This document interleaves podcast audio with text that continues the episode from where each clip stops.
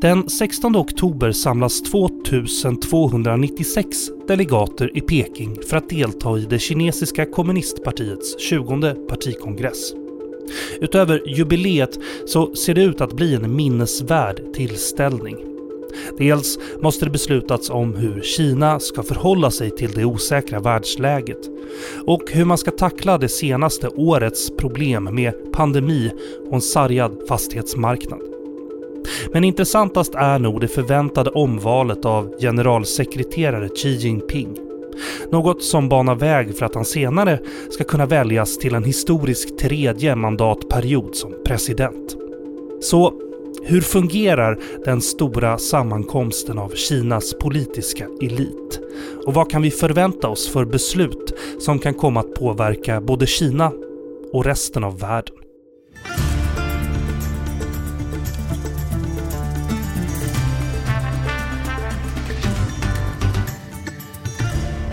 Det här är Utrikespolitiska institutets podd Utblick och jag heter Jonas Lövenberg.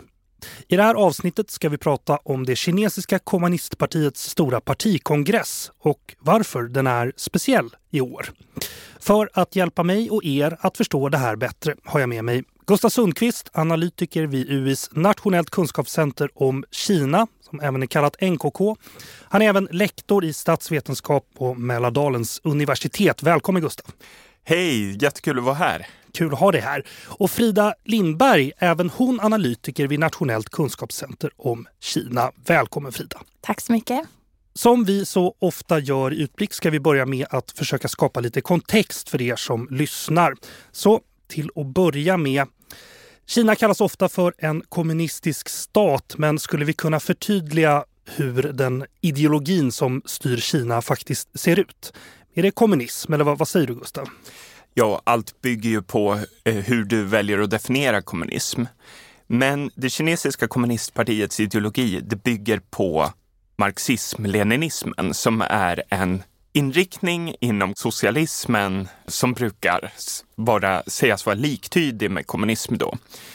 Och det bygger då på att eh, man tänker sig att en förtrupp av någon slags yrkesrevolutionärer ska leda vägen först till en revolution och sen föra samhället framåt mot ett eh, så kallat kommunistiskt samhälle, någon slags modernt och eh, jämlikt samhälle då.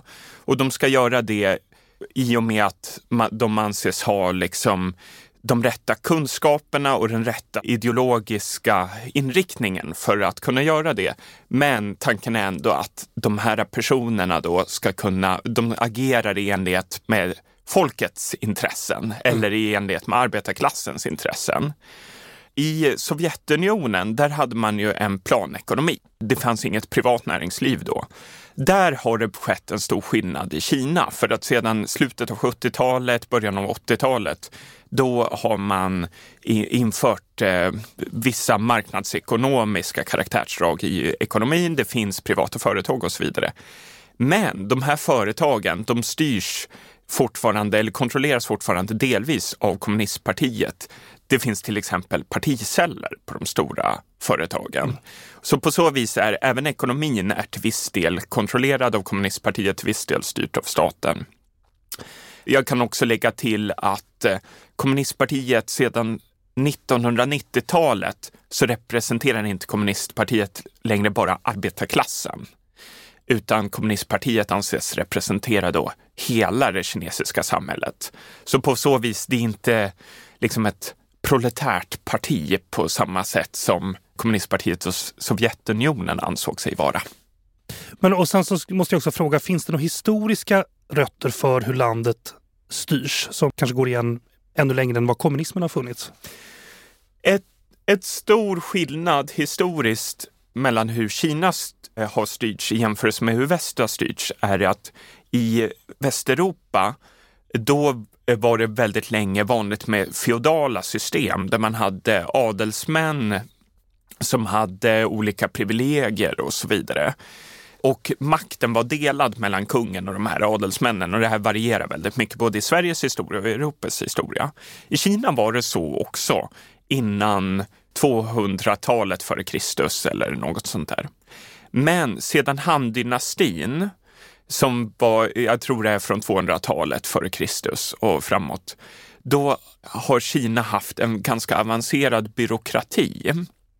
En byråkrati som har funnits under en till viss del enväldig och gudomlig kejsare. Men den här byråkratin, den har till viss del eh, varit meritokratiskt utvald. Just det, förklara det begreppet. Så. Meritokra meritokrati, det, idén med det är att den mest kvalificerade då ska styra eh, och i, i det här fallet så är det att den mest kvalificerade då kunde bli byråkrat eller mandarin som vi brukar använda ordet för att kalla de kinesiska byråkraterna. Och eh, de valdes då ut genom ett svårt prov och vem som helst kunde göra provet. Mm. Och på så vis blev det blev mer meritokratiskt för att personer som hade makt var ofta till exempel läs och skrivkunniga och hade någon slags liksom, erfarenhet i att memorera saker och så vidare. Och fortfarande idag lever den här traditionen kvar så tillvida att kommunistpartiet är eh, i hög grad en meritokratisk organisation. Mm. Det är väldigt svårt att bli medlem i kommunistpartiet och det finns en hel del ganska neutrala kriterier för att bli medlem. Att man måste göra prov, du måste ha ett schysst CV för att kunna bli medlem och så vidare. Och samma sak gäller för att avancera i kommunistpartiets hierarki. Hur är då det här kommunist, stora kommunistpartiet uppbyggt? Frida, kan du säga något om det? Vad finns det för strukturer där? Absolut. Kommunistpartiet grundades 1921 mm. Eh, och totalt sett finns det mer än ungefär 90 miljoner medlemmar i partiet. Om man ska säga någonting om strukturen så kan man säga att eh, partiets högsta beslutande organ är centralkommittén som har cirka 200 medlemmar. Sen har vi politbyrån som är med sina ungefär 25 medlemmar då, eller som det är just nu, 25 medlemmar, partiets verkställande organ. Och sist men inte minst har vi eh, politbyråns ständiga utskott som är just nu sju medlemmar och Kinas högsta politiska instans och verkställande utskott. Och man kan se det här som en triangel där vi högst upp har minst antal medlemmar, alltså politbyråns ständiga utskott. Och där finns också mest makt. Och mittenskiktet då, där politbyrån finns, har näst mest makt och så sist men inte minst längst ner har vi då centralkommittén. Och no någonting jag kan nämna om politbyrån är att kvinnor och etniska minoriteter är starkt underrepresenterade här mm. eftersom den domineras av hankinesiska män. Och hankineser syftar till den dominerande etniska gruppen i Kina. Något annat som är viktigt att komma ihåg är att Kina är en partistat. Så det betyder kort sagt då att partiet styr staten. Men det finns väl andra partier har jag förstått det som. Finns det någon opposition överhuvudtaget? Och vad, vad har de för plats och funktion i det här systemet? Ja, men precis, det finns eh, åtta andra små partier. Men eh, deras ledare väljs av kommunistpartiet och ingen av de partierna har liksom öppet motsatt sig det styrande partiet eller drivit på för betydande reformer. Så man kan säga att de på ett sätt då är underställda kommunistpartiet. Det är så att politisk opposition är inte tillåten i Kina. Så det finns ingen formell opposition på motsvarande vis som vi har här i väst. Att man kan eh, utmana eller kritisera regeringen öppet för att verka för förändring. Så de åtta småpartier som finns är inte oppositionella på något sätt. Och för att demonstrera hur pass otillåtet det är med opposition i Kina så kan jag nämna ett exempel. 2012 var det en 27-årig dissident i Kina som dömdes till åtta års fängelse för vad som kallades för omstörtande verksamhet efter att mhm. han hade försökt bilda ett oppositionsparti. Och han hade också gjort regeringskritiska uttalanden på, på nätet. Så det här visar just hur förbjudet det är med politisk opposition. Det är liksom straffbart. Men med det sagt så, så kan jag ändå nämna att det finns ju dissidenter och aktivister och rätti, rättighetsadvokater och religiösa rörelser som, som falungong till exempel, som utgör ett slags opposition. Och i högsta grad utanför Kina, men även i Kina finns den här mm. oppositionen som då är otillåten. Men det är svårt att säga hur omfattande den är inom Kina eftersom Kina är väldigt stängt på det sättet. Just kan, kan, vi inte få några exempel på vad de här andra partierna, vad är de, vad representerar de? Under det kinesiska inbördeskriget då krigade kommunistpartiet mot ett parti som hette Nationalistpartiet. Det här var innan 1949 och innan Mao tog makten. Och då försökte kommunistpartiet alliera sig med andra icke-kommunistiska politiska rörelser och andra icke-kommunistiska politiska partier.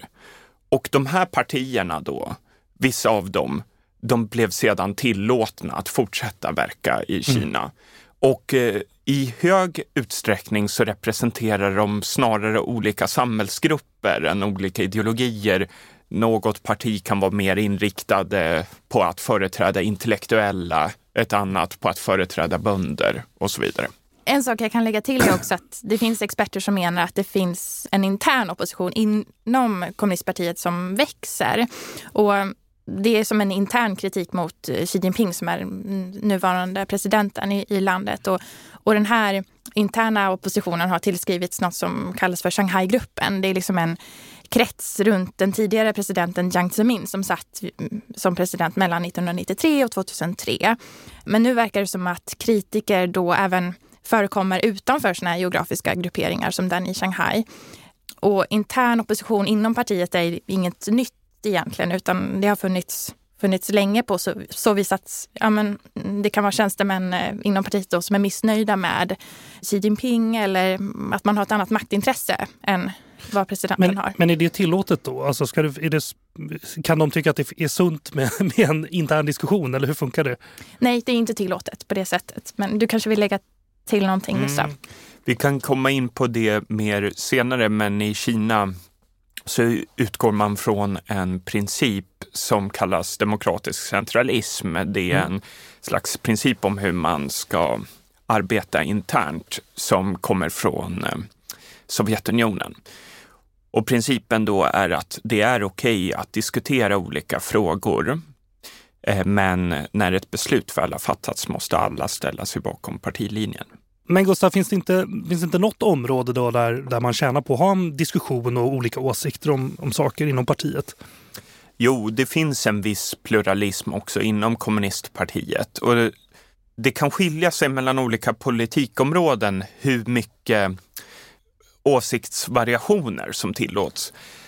Historiskt så har det tillåtits mer variation när det gäller åsikter inom ekonomi till exempel. Att man har haft ett ganska stort utrymme för att kunna för, argumentera för att vi ska ha mer marknadslösningar eller vi ska ha mer planekonomiska lösningar. Mm. Hörrni, nu till huvudnumret här. Har, nu har vi berättat om några av byggstenarna i det kinesiska politiska systemet som är värdefulla att ha med sig. Så nu till då partikongressen. Berätta vad kommunistpartiets kongress är för tillställning, Frida. Det kinesiska kommunistpartiet anordnar partikongress vart femte år och i år mm. äger den rum den 16 oktober. Så det är ganska snart. Kort sagt kan man säga att det är Kinas viktigaste politiska sammankomst. Det är där Kinas ledarskap utses och som den politiska inriktningen för landet för de kommande fem åren stakas ut egentligen. Och i år blir det den 20 partikongressen i ordningen sedan partiets grundande 1921. Och det, här deltar 2300 partirepresentanter ungefär. Då. Och något som är viktigt att komma ihåg här är att eh, det är en väldigt iscensatt tillställning på så vis att alla beslut och uttalanden men också ledarskapspositioner som man tillsätter eh, har bestämts sedan tidigare. Och det är någonting som han ja, man har haft långa och omfattande förhandlingar om det här innan då, men det är inget som är offentligt. Liksom. Och under kongressen väljs centralkommittén, polisbyrån och eh, även polisbyråns ständiga utskott. Det är centralkommittén som väljer polisbyrån och det är polisbyrån som väljer polisbyråns ständiga utskott. Mm. Det låter inte på det som att det är några fria omröstningar angående det här, eller hur? Nej, nej, nej. men precis. Det blir mer av att man visar upp någonting som är väldigt färdigt snarare än att det är ett val. Ja, på så okay. mm. ja. Fortsätt. Partikongressen är viktig eftersom den visar vilka politiska prioriteringar som Kina har för mm. kommande fem åren. Och eh, under partikongressen kommer man också att blicka bakåt och titta på politiken som har varit under de senaste fem åren och, och, situationen både internationellt och nationellt. Att man analyserar den helt enkelt. Just det, det läggs väl också fram en, en arbetsrapport har jag förstått det som. Vad, vad är det för dokument, Gustav?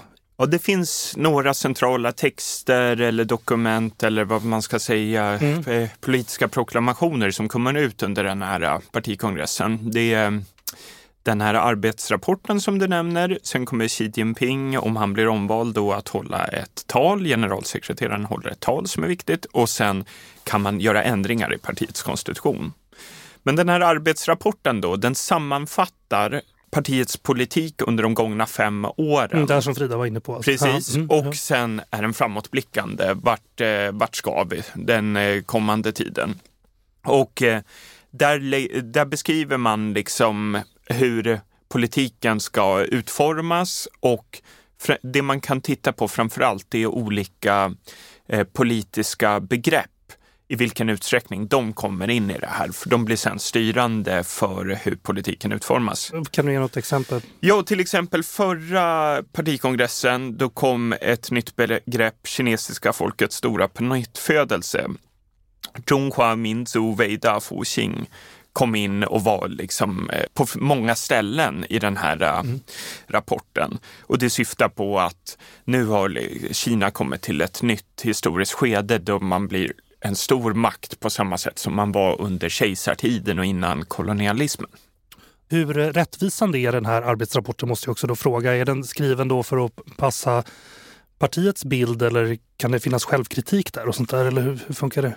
Det är ett väldigt politiskt dokument, som, men som ger partiets bild av de gångna fem åren. Och i allmänhet så redovisar de, de har ju en bygger upp en positiv bild. Vi har gjort stora framsteg under de gångna mm. fem åren. Men sen pekar de också ut eh, utmaningar. Här finns det fortfarande stora problem. Här finns det fortfarande stora utmaningar. Jag skulle säga i det här hänseendet, det är inte jätteannorlunda från till exempel en valanalys eller liknande från ett svenskt politiskt parti. Det är en analys av verkligheten men som är väldigt politiserad ifrån kommunistpartiets synvinkel. När vi tre började prata om att göra det här avsnitt om kongressen så visste vi inte ens när kongressen skulle hållas. Nu, nu vet vi det. Men varför är partiet så hemlighetsfullt? För det första så tror jag partiet eh, är inte riktigt så hemlighetsfullt som det ibland framstår i västvärlden, utan okay. mycket information finns tillgängligt på internet om vilka personer som har vilka poster. Och om man går in lite djupare kan man ibland också se vem som har fattat vilka beslut och hur den processen gick till. Mm. Men som du är inne på, partiet är ändå väldigt hemlighetsfullt. Och jag skulle säga att det till stor del beror på den här leninistiska principen man utgår med demokratisk centralism. Mm. Att eh, hur partiet fattar beslut är att man har interna diskussioner då man åtminstone i teorin så tillåts man ha olika åsikter. Men när ett beslut väl fattas, då ska det fattas i konsensus. Alla ska vara överens och därefter ska alla eh, hålla sig till partilinjen. Då ska alla sluta upp och argumentera som att jag företräder det här hela tiden. Och det här är för att man vill undvika att det ska bli olika fraktioner i partiet för att man Framförallt tänker man sig att då kommer partiets fiender att utnyttja de här fraktionerna för att splittra partiet på olika sätt. Och det här gör att det finns säkert mycket åsiktsskillnader i partiet kring vem som ska få vilken post och så. Men de försöker hålla tyst om det här, hålla det internt och sen kommer, vill de att det ska framstå som att alla ställer sig bakom hur det blev i slutändan. Bara en annan sak som slår mig nu när vi pratar om det här. Det här med stabilitet är väl också någonting som är väldigt viktigt som man strävar efter hela tiden. Och det, här, det låter som att det här kan hänga ihop med det, att man vill hålla det stabilt. Så är det och ehm, eh, där kommer vi in på att Kina har ju också en historia av instabilitet. Att innan Mao tog makten 1949 mm. så var det ett, flera inbördeskrig i Kina och eh, det finns även i den kinesiska folket, i den kinesiska opinionen en stor skräck för instabilitet och inbördeskrig och så vidare. Så där har man, det finns ett slags stöd också, folkligt stöd för att eftersträva stabilitet. Sen är partiet, de är väldigt rädda för fientliga krafter. Det finns skulle jag säga, en växande nästan paranoia för att framförallt västvärlden ska splittra partiet, splittra Kina på olika sätt. och på grund av detta så försöker de också eh, sträva efter stabilitet i än högre mm. utsträckning. Utöver omvalet av Xi Jinping som, som vi ska återkomma till, som ju är en, en viktig del av den här årets partikongress. Va, vad är de viktigaste frågorna på kongressen? Det har ju varit ett ganska tufft år för Kina och kris på fastighetsmarknaden och pandemi och så vidare. Va, vad säger du Gustav? De viktigaste politiska frågorna i Kina kretsar kanske kring ekonomin. Mm. Den har svalnat av de sista åren och man har problem, som du säger, med det här med fastighetsmarknad och, och så. Man har den här eh, så kallade noll corona-strategin, att man försöker att fortfarande inte få in någon corona alls i Kina och om det kommer in då gör man lockdown direkt. Det här ger i sin tur konsekvenser på ekonomin men också på människors frihet och så när de drabbas av en lockdown. Och förlåt, och det är väl även så att de nya typerna av virus inte riktigt, de sprider sig så lätt så det inte funkar riktigt också. Det blir svårare och ja, svårare. Alltså som omikron till exempel, ja. det sprider sig ännu lättare men nu å andra sidan mildare. Ja, så, Nej men så det här är stora utmaningar och så har vi ju den här stora utmaningen med Ukraina-kriget, eh, växande internationella konflikter mm, mm. både mellan Kina och USA men också mellan USA och Ryssland. Hur ska man hantera det här? Alla de här frågorna är viktiga för kommunistpartiet. Men på den här partikongressen, då ligger de viktigaste besluten liksom på en högre nivå på något sätt. Vilka mm. personer ska få vilka viktiga positioner? Och de stora dragen i den politiska utvecklingen.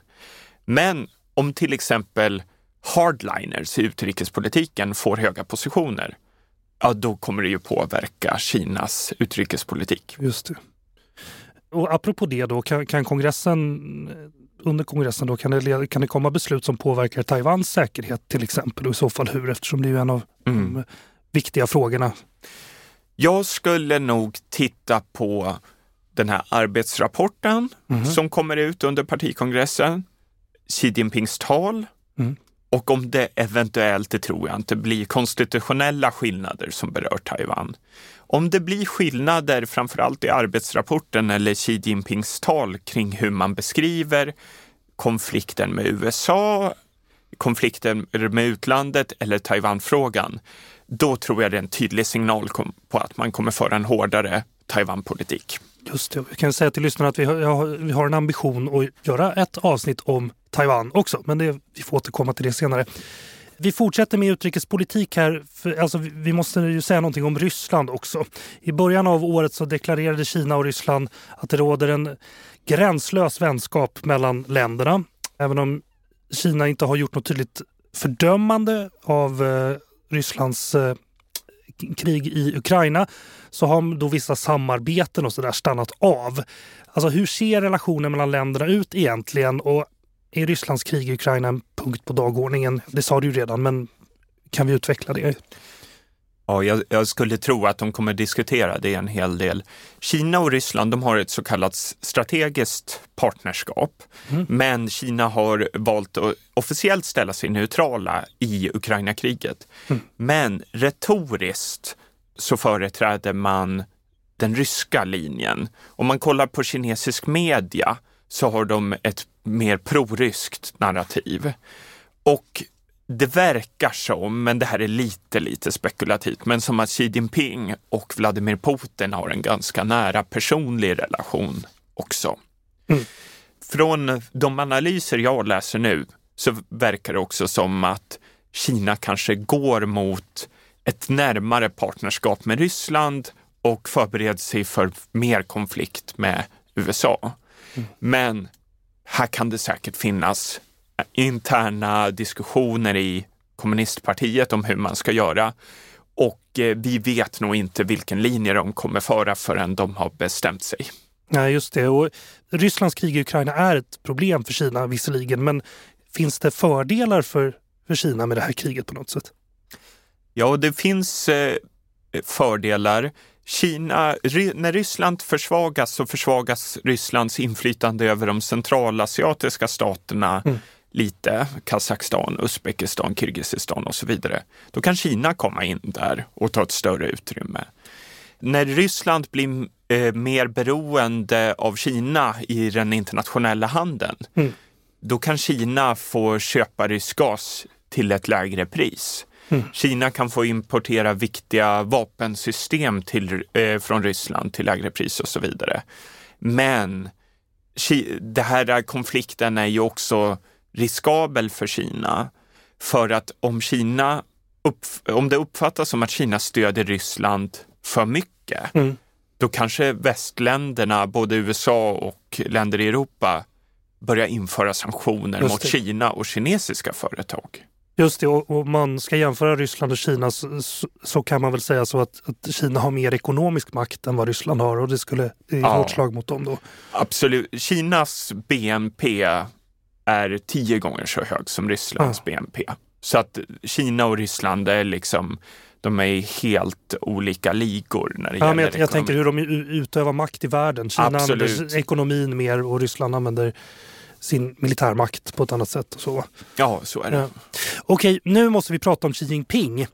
Frida, skulle du kunna berätta vem är Xi Jinping, alltså generalsekreteraren för Kinas kommunistparti och vad kännetecknar hans ledarskap? Ja, Xi Jinping är sedan 2012 generalsekreterare för kommunistpartiet och han är också ordförande för den centrala militärkommissionen som det heter. Han är också president i Kina. Många hattar. Många hattar, ja. precis. Och sedan Xi kom till makten så har Kina blivit allt mer auktoritärt. Landet har också axlat en äh, allt mer aktiv roll internationellt och det skiljer sig mycket från den ledarstil som Deng Xiaoping eh, Eh, som var Kinas ledare mellan 1978 och 1997 hade. Dengs ledarskap eh, karaktäriserades mycket av att man skulle eh, hålla en låg profil och bida sin tid, som, som eh, citatet lyder. Och det handlar då om att Kina inte på något sätt skulle axla en ledarroll internationellt, vilket går eh, helt tvärt den stil som Xi har.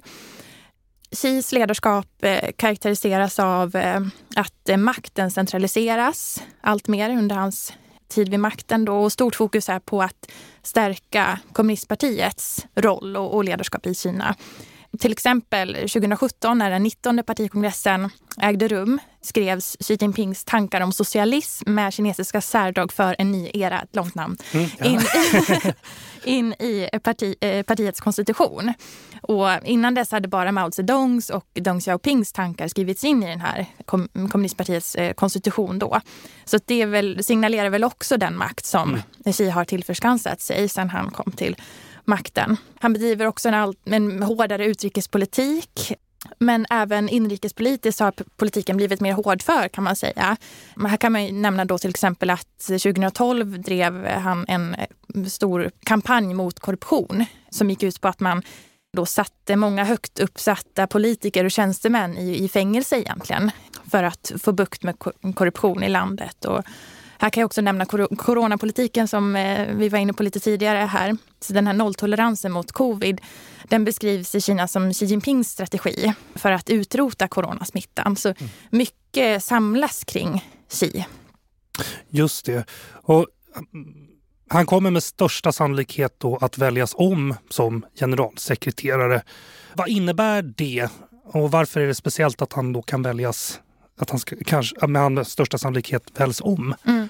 Ja, tidigare så fick en president enligt landets konstitution sitta vid makten då i högst två mandatperioder som är tio år totalt. Mm.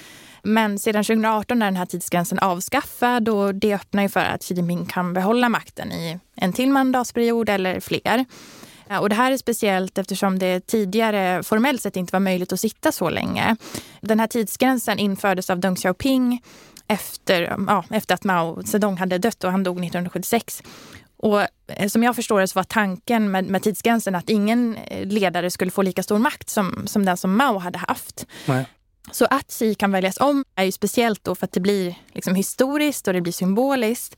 Att ingen ledare har gjort det sedan den här tidsgränsen infördes. Och det visar ju också på den här makten som, som Xi har tillförskansat sig, som jag sa lite tidigare. Mm. Och att det är mer makt än vad någon annan har haft sedan, sedan Maos tid egentligen. Just det. Och ibland så beskrivs ju Xis status att den börjar närma sig Maos ändå. Är Xi föremål för, eller kan vi säga något om det, är han föremål för en personkult? För det är ju, är ju Mao. Vad innebär allt det här, Gustav? Ja, jag skulle nog säga att eh, han är föremål för en växande personkult om du tittar på eh, kinesisk media till exempel, slår upp en kinesisk tidning så är Xi nästan alltid, upplever jag, på framsidan, på första sidan i tidningen.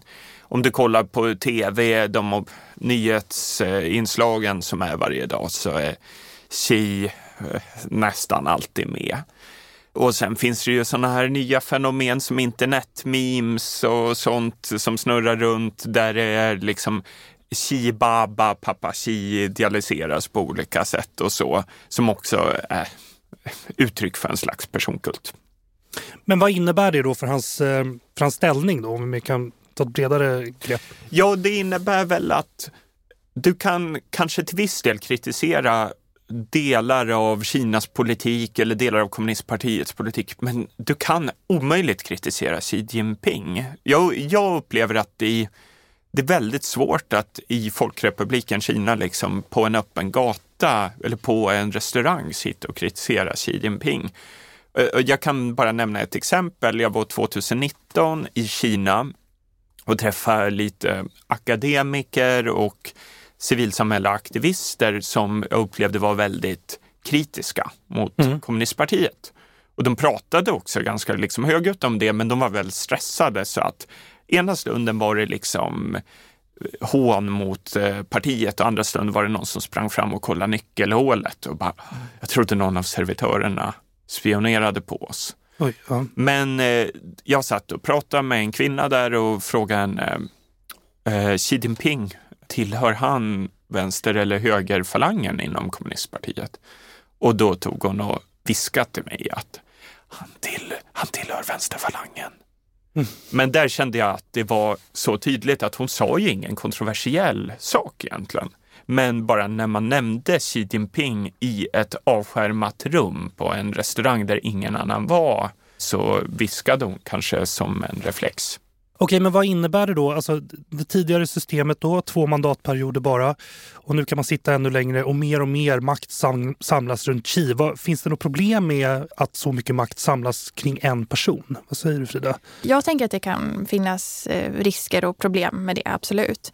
Om man tänker sig nu att Xi får fortsätta vid makten så det kan han ju göra, men han kan ju inte göra det för, för evigt såklart. Nej. Så den dag han inte sitter vid makten längre så står ju Kina med kommunistpartiet då, som så länge har fokuserat på Xi Jinping och, och, och, lagt makten i hans händer. Eh, och jag tror att det finns risker med det. Det kan absolut bli en större maktkamp efter. Om, om jag tar som eh, två exempel då. Ja. Efter att Mao dog, mm. då blev det en maktkamp, en ganska våldsam maktkamp mellan vänsterfalangen i kommunistpartiet som kallades för Gang of Four, eller de fyras gäng, och någon form av högerfalang i partiet som eh, hade en maktbas kring Deng Xiaoping som sen började reformera landets ekonomi och så.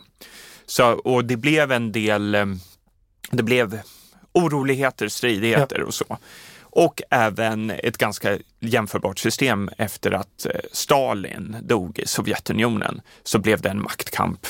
En annan risk som, mm. som jag ser är att eh, om Kina nu får mer och mer makt utan att någon sätter stopp, för det är väl lite så, man vågar ju inte riktigt kritisera Xi eh, eller uttrycka liksom invändningar mot, mot eh, hans politik, så kan det också leda till att saker och ting går fel. Alltså att eh, en politik går åt ett håll som blir svår att vända om det skulle visa sig att den inte fungerar. Och, ja, om, mm. Det måste ju uppstå, tänker jag, om man tittar på grannen i Ryssland, att det blir prestige också om det är en person som har haft fel och då har varit eh, som man, då folket har vänt sig till för att man tycker att den personen har rätt hela tiden. Mm, absolut. Intressant. Vi får se, jag tänkte säga vi får se om han väljs om, men det gör han väl? Troligen, men vi kan ändå inte 100 procent okay. veta. Vi får se. Men spännande i så fall. Då. Jag måste också fråga, då, kommer vi se några förändringar i det verkställande utskottet, då, de här sju högst upp i pyramiden? Vad har det för betydelse i så fall? Gustav, vad säger du? Det kommer vi troligen att få se.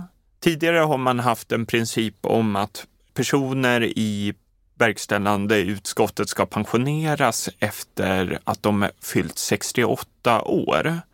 Och det här har varit en informell princip som man har utgått ifrån. Sen har ju Xi Jinping tagit avsteg från den principen i och med att han öppnat upp för att själv få sitta i tre mandatperioder. Hur gammal är han nu då? 69. Han är 69, ja. Men därmed inte sagt att alla de här informella reglerna plötsligt har kastats på sophögen, utan det är nog fullt möjligt att man kommer fortsätta att pensionera höga partitjänstemän i politbyråns verkställande utskott när de fyllt 68 eller när de är ännu yngre till och med. Det kan hända att de förändrar de där åldersgränserna också. Det verkar som att man kan råka illa ut när man är uppe på de där höga posterna om man kommer i onåd hos Xi till exempel och sånt där. Är det, har man, om man blir pensionerad, har man klarat sig då? Det beror nog på om man fort, fortsätter att försöka påverka politiken från sin pensionärsställning, då kan man nog hamna i problem okay. igen. Mm. Men om man lever ett stillsamt pensionärsliv, okay. dricker sitt gröna te, då, kan, då är det okej. Okay. Alltså man klarat gatloppet. Frida, kan inte du säga något mer om den här åldersgränsen? Vad, vad finns det för tankar med den? Mm. Det finns en sägning i Kina som beskriver det här ganska bra. Qi shang ba xia, som betyder då vid sju kan du stiga upp och vid åtta måste du ner. Alltså vid 67 års ålder kan du i kommunistpartiet eller i statens tjänst då stiga upp i karriären fortfarande. Men vid 68 års ålder så passar det sig inte att du fortsätter att ta på sig fler uppdrag då. Men eh, Xi Jinping är ju som sagt då 69 år gammal mm. nu så han har ju redan passerat den gränsen kan man säga. Som sagt, vi får se hur det går. Ja. Nu har vi pratat om massa olika saker här men vi ska titta lite framåt också även om vi väl delvis har gjort det redan. Alltså finns det några särskilda beslut som förväntas tas på årets kongress? Och hur påverkar de omvärlden kanske i så fall? Frida, vad säger du? Sammansättningen i polisbyrån, den här mittenskiktet då i den här triangeln som vi pratade om tidigare och polisbyråns ständiga utskott som är högst upp då förväntas förändras. Och det är med anledning av de här pensionsnormerna som finns. Och storleken på polisbyrån kan också komma att förändras. För det, det är inte en, en, ett konstant antal där utan det, det, kan ändras. Men om vi ska prata lite om politiken så mm kan man säga att de senaste fem årens politiska inriktning har varit förenlig med de prioriteringar som man angav tidigare på, på den tidigare partikongressen. För fem år sedan. För fem mm, år sedan, ja. precis. Och den 20 partikongressen nu i oktober kommer sannolikt inte att innehålla några politiska överraskningar på den fronten. Det kommer gå i linje med, med det, tror jag. Sen som Gustav var inne på tidigare, så vilka beslut som fattas kommer också delvis bero på vilka begrepp man använder och i vilken Mm, vilken frekvens som de används i. Om begrepp förekommer väldigt så återkommande så kan man räkna med att de kommer att, att vara del av Kinas politik under den kommande mandatperioden. Vad gäller covid, som vi också varit inne på, och Kinas nolltolerans mot covid, så finns det de som säger att det är liksom tidigast efter partikongressen som det är rimligt att tänka sig att partiet skulle släppa på några restriktioner där. Och I så fall skulle det framgå att kommunistpartiet under ledning av Xi Jinping har besegrat covid. Det skulle inte framhållas som att eh, det var fel strategi eller fel väg att gå nej, nej. på det sättet. Men det är troligt att nolltoleransen kommer fortsätta framåt också. Du säger att de här formuleringarna mm. i arbetsrapporten, om de är återkommande och sådär, alltså hur mycket avkodning krävs det för att förstå det här? Alltså kan man utifrån förstå hur politiken kommer se ut utifrån hur ofta någonting är skrivet? Liksom, hur, går det där? hur funkar det där? Jag skulle säga att det ger mer en indikation på ja. vilka, hur politiken kommer att se ut. Sen brukar det vara så att den här arbetsrapporten är ganska generell, får gärna rätta mig om jag har fel Gustav, och att det blir mer detaljrikt exakt hur politiken kommer utformas efter partikongressen under kommande månaderna eller um, åren kanske. Okej. Okay. Men omvärlden då? Är det några beslut som rör omvärlden speciellt här som vi kan förvänta oss? Men jag tror att sammansättningen av de här centrala organen i partiet, i första hand polisbyrån men också polisbyråns ständiga utskott kommer vara en viktig indikator på vilken makt som Xi kommer att få. Mm. Eh, utöver då att han förväntas väljas om som ledare. Och mm, just sammansättningen i de här organen då kommer ju att avgöra vilken makt Xi får på så vis att om Xi lyckas placera sina allierade i de här, ja men på platserna inom eh, polisbyråns ständiga utskott så kommer Xis makt också i mindre utsträckning att kontrolleras jämfört med om fler platser skulle eh, tillsättas av icke-allierade till Xi. Så sammansättningen av personer i den centrala makten kan i förlängning påverka omvärlden eftersom det också påverkar mm. landets utrikespolitik och inrikespolitik. Ah, okay. Men det låter här också som att Xi inte har total kontroll över allting. Är det så?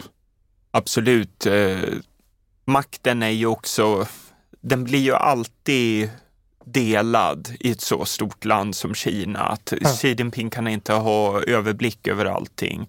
Och även om han nominellt, liksom officiellt är eh, den högsta ledaren som inte riktigt kan ifrågasättas så bygger det på att han har allierade som han håller nöjda hela tiden. Mm. Så mm. på så sätt finns det alltid en viss spridning av makt i ett så komplext politiskt system som Kinas. Mm. mm. En annan viktig sak att nämna hur eh, det kan påverka omvärlden är ju mm. ekonomin då som vi var inne på ja. tidigare. Så Kinas ekonomi framåt kommer också påverka ekonomin i omvärlden. Det säger lite grann sig självt men, men det är en viktig sak att komma ihåg. Sen eh, tror jag också, det brukar väl vara så att eh, politiken inte tar lika stor plats under partikongressen som inrikespolitiken. Men eftersom det geopolitiskt har hänt ganska mycket mm. de senaste fem åren med bland annat handelskriget med USA så är det troligt att det kan ta mer plats under partikongressen också. Kinas relationer med, med många länder i, i, världen och särskilt i väst har försämrats under de senaste åren. Men utrikespolitiken som Kina har kommer av allt att döma inte förändras avsevärt under, de, under nästa mandatperiod heller. I och med kongressen så, så kommer ju Kinas ledarskap då ha tagit beslut som ska stå sig, eller beslut som ska stå sig åtminstone under de kommande fem åren. Men vilka är då Kinas stora utmaningar framåt, Gustav? På kort sikt så tror jag att det kretsar kring och komma ur den här noll-corona-strategin på något sätt. Med heden i behåll? Liksom. Med heden i behåll ja. och, och, kunna ta... För det, hur det antagligen kommer vara är ju att när man öppnar upp då kommer det bli en stor smittvåg som belastar det kinesiska sjukvårdssystemet väldigt mycket. Och eh, dessutom har du problemen i ekonomin, att den svalnar av. Och sen har du de här internationella konflikterna, framför allt med USA, hur man ska hantera det, hur ska man hantera Taiwanfrågan. På längre sikt så har man stora problem som till viss del överensstämmer med de problem vi har i Sverige och andra länder. Klimatförändringarna, stora miljöproblem, stora ekonomiska klyftor mellan rika och fattiga som skapar frustration i, mm. och missnöje bland eh, många mindre privilegierade. Och eh, dessutom i Kina så har man en åldrande befolkning med det föds allt färre barn, folk, människor blir äldre. Hur ska man försörja personer som blir äldre och inte kan arbeta? Vi får se hur det går mm. helt enkelt. Gustav Sundqvist, analytiker vid UIs nationellt kunskapscenter om Kina och lektor i statsvetenskap vid Mälardalens universitet och Frida Lindberg, även hon analytiker vid Nationellt kunskapscenter om Kina. Tack för att ni kom. Tack så mycket. Tack så mycket. Nu har du lyssnat på Utblick, Utrikespolitiska institutets podd. Glöm inte att trycka på prenumerera-knappen i appen där du lyssnar på oss. Om du vill veta mer om UIs forskning och omvärldsbevakning, gå in på ui.se. Där kan man också klicka sig vidare till NKKs egen sajt. Vår vignett är komponerad av Friden Frid. I kontrollrummet idag sitter Kyle Rosén. Och resten har jag gjort. Jag heter Jonas Lövenberg. På återhörande.